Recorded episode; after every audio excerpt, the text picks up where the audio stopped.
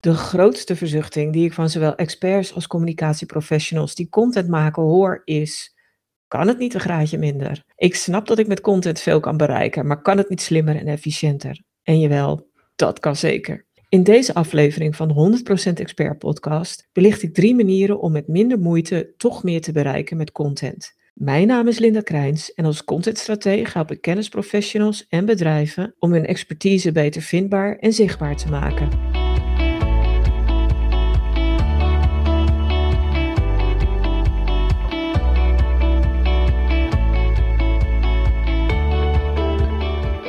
Drie manieren dus waarop je meer kunt bereiken met minder content. En ik zal ze eerst kort opnoemen en daarna zal ik ze verder toelichten, zodat je er eigenlijk na het beluisteren meteen mee aan de slag kan en je voordeel ermee kan doen. Die drie manieren zijn eigenlijk heel simpel. En zeker die eerste klinkt flauw en als een open deur, maar wacht even. Want dat is dat je echte keuzes gaat maken en echt gaat zorgen voor focus.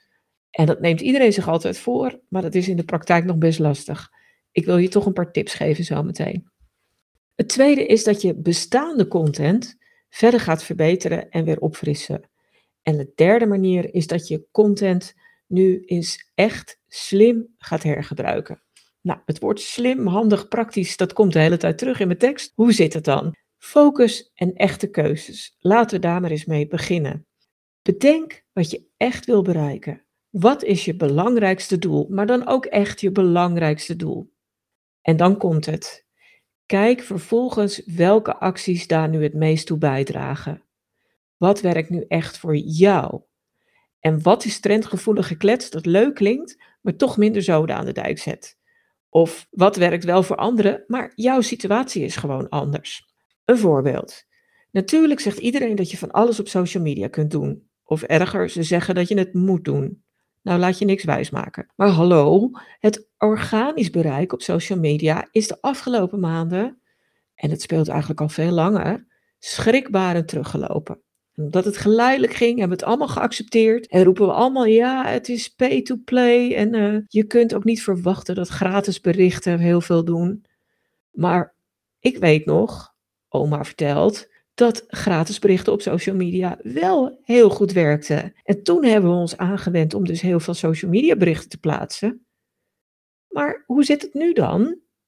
Want het kan ook best veel tijd kosten om social media berichten te maken. En zeker als je bedenkt dat zodra je iets plaatst, je waarschijnlijk ook nog eens een keer afgeleid gaat worden omdat je bij het plaatsen meteen de berichten van andere mensen ziet. En voordat je het weet ben je weer een half uur verder, omdat je hebt zitten scrollen en zitten kijken en je, je moet je berichten op meerdere plekken plaatsen, dus dat kost gewoon tijd. Hoe effectief is het dan? En daarom zeg ik altijd, probeer te bedenken wat je echt wilt te bereiken en kijk welke acties daarbij horen. Ga dan eens na welke contentacties van de, nou pak een beet, afgelopen zes maanden je echt het nodig hebben opgeleverd. Aantoonbaar. Daar kwamen contactaanvragen of contacten uit voort. Um, mensen gingen op dingen klikken, gingen een formuliertje invullen, uh, gingen dingen downloaden of gingen iets doen, gingen iets kopen, gingen je inhuren. En dan denk ik dat er niet zo heel veel dingen overblijven die echt een bepaald effect hebben gehad. En als ik dan om mij heen kijk en bij klanten en bij mezelf kijk, wat waren dan de dingen die daar vaak toch wel tussen zaten? En let wel, dit geldt niet voor iedereen, hè? maar ik denk dat er wel een paar dingen tussen zitten die je misschien herkent. De blogs op je website. In principe zouden die echt wel zoden aan de dijk moeten zetten. Ofwel dat je website meer bezoekers trekt en hoger komt in Google, of dat die mensen meer blijven lezen en toch geïntrigeerd worden. Dat kan de abonneelijst van je nieuwsbrief zijn. Die moet je af en toe eens opschonen, maar heel vaak wordt dat vergeten. Maar als je hem dan opschoont en vervolgens nog weer eens goed kijkt van, hé, wat deel ik hier nou precies en op welke manier doe ik dat? En zit mijn commerciële verhaal er ook nog wel in? Of zit mijn verhaal erin waarmee ik mensen tot een bepaalde actie moet aanzetten? Dan zie je ook vaak dat er nog best wel iets aan verbetering in kan. En je nieuwsbrief is gewoon een heel mooi instrument om in te zetten om meer effect te sorteren. En, en toch wordt die nieuwsbrief vaak als een soort corvée gezien van, oh ja, die moet er elke week, elke 14 dagen, elke maand uit en wat doen we er dan mee? Nee, je nieuwsbrief is gewoon een superbelangrijk middel waar jij controle over hebt. Kijk daar af en toe eens naar met een frisse blik. En bedenk je ook dat een nieuwsbrief soms jaren duurt voordat iemand uiteindelijk een actie zet. Ik heb echt mensen die twee, drie jaar uh, mijn nieuwsbrief hebben gelezen, en ik hoor het ook van anderen, voordat ze eens een keertje uh, contact leggen en een vraag stellen of mij inhuren. Een ander middel wat ik heel vaak heel goed zie werken, lang niet iedereen inzet, dat zijn gastblogs die je elders hebt gepubliceerd. En dat is echt een hele mooie manier om te werken aan je zichtbaarheid en aan je bekendheid. En de laatste manier die ik hier met je wil delen, van kijk eens of je daar de afgelopen maanden iets mee gedaan hebt en wat je dat heeft opgeleverd, is weer eens contact maken met bestaande of vroegere klanten met persoonlijke berichten, telefoontjes of mails. Wat ik heel vaak zie gebeuren is dat gaandeweg uh, mensen, bedrijven hun focus iets verleggen. En soms best wel veel verleggen. Of nieuwe dingen doen. Maar dat oudere klanten, die, met wie al een tijdje geen contact is geweest, dat helemaal niet weten. En dat soort contact maken, dat kun je het beste doen met persoonlijke berichten, met een telefoontje, een mailtje, nou, wat dan ook het beste voelt. Maar dat zijn wel dingen die ontzettend goed werken. En het laatste wat ik je aanraad als het gaat om focus en echte keuzes, is bedenk wat je niet meer gaat doen de komende tijd. Als je nu toch gekeken hebt wat voor je gewerkt hebt, en misschien heb ik je wel aan het denken gezet over die social media berichten, kijk dan eens een keer wat daar de afgelopen tijd is uitgekomen.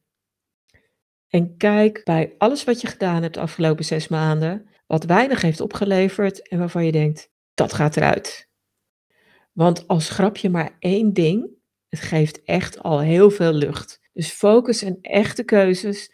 Het klinkt misschien flauw en het kan best lastig zijn, zeker als je het intern aan andere mensen moet uitleggen. Dat is echt een hele goede manier om met minder moeite meer te gaan bereiken. Maar de tweede manier, die wordt ook vaak gemist, is dat je je bestaande content weer eens door de wasstraat haalt. Wat ik de afgelopen maanden met een aantal klanten heb gedaan, is het produceren van nieuwe content op een lager pitje te zetten. En dan gaat het vooral om nieuwe blogartikelen op hun eigen website. En dat we dat gedaan hebben, dat heeft twee redenen.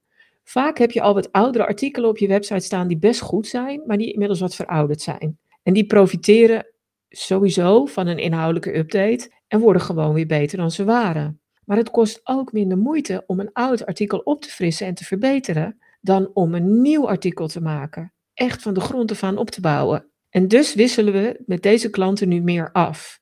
Een nieuw artikel wisselen we af met het opfrissen van een bestaand artikel. En dat scheelt echt tijd en ze zijn er echt blij mee. En de derde manier, ik noem het wel vaker in mijn podcast, is het slim hergebruiken van content. Daar is echt zoveel rendement mee te halen.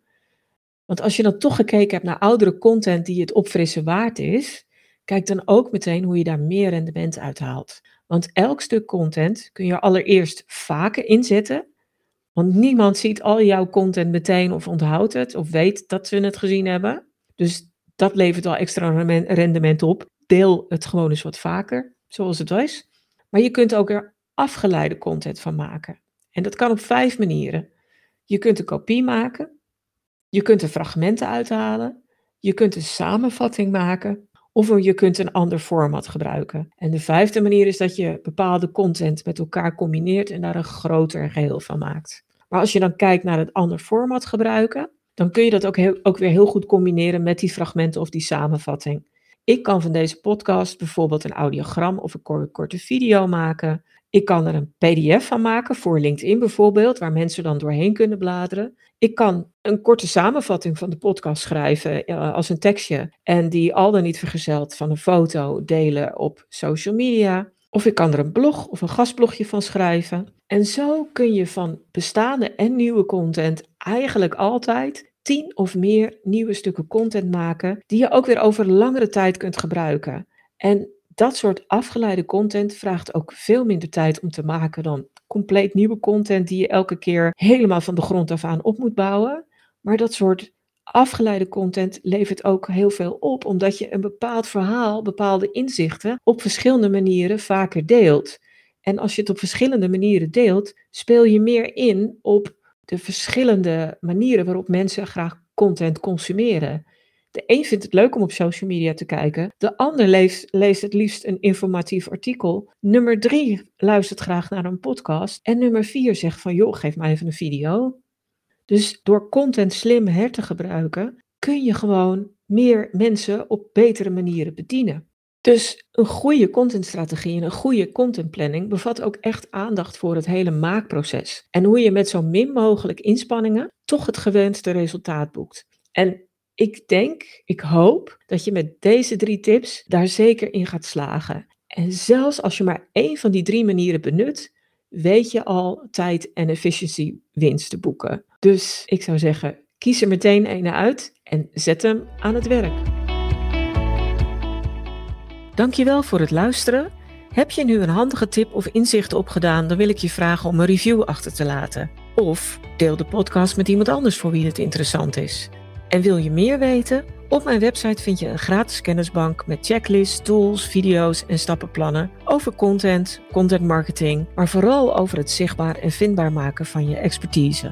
En in de Content Academie vind je bovendien tal van online masterclasses en trainingen die je helpen om je expertpositie verder te versterken.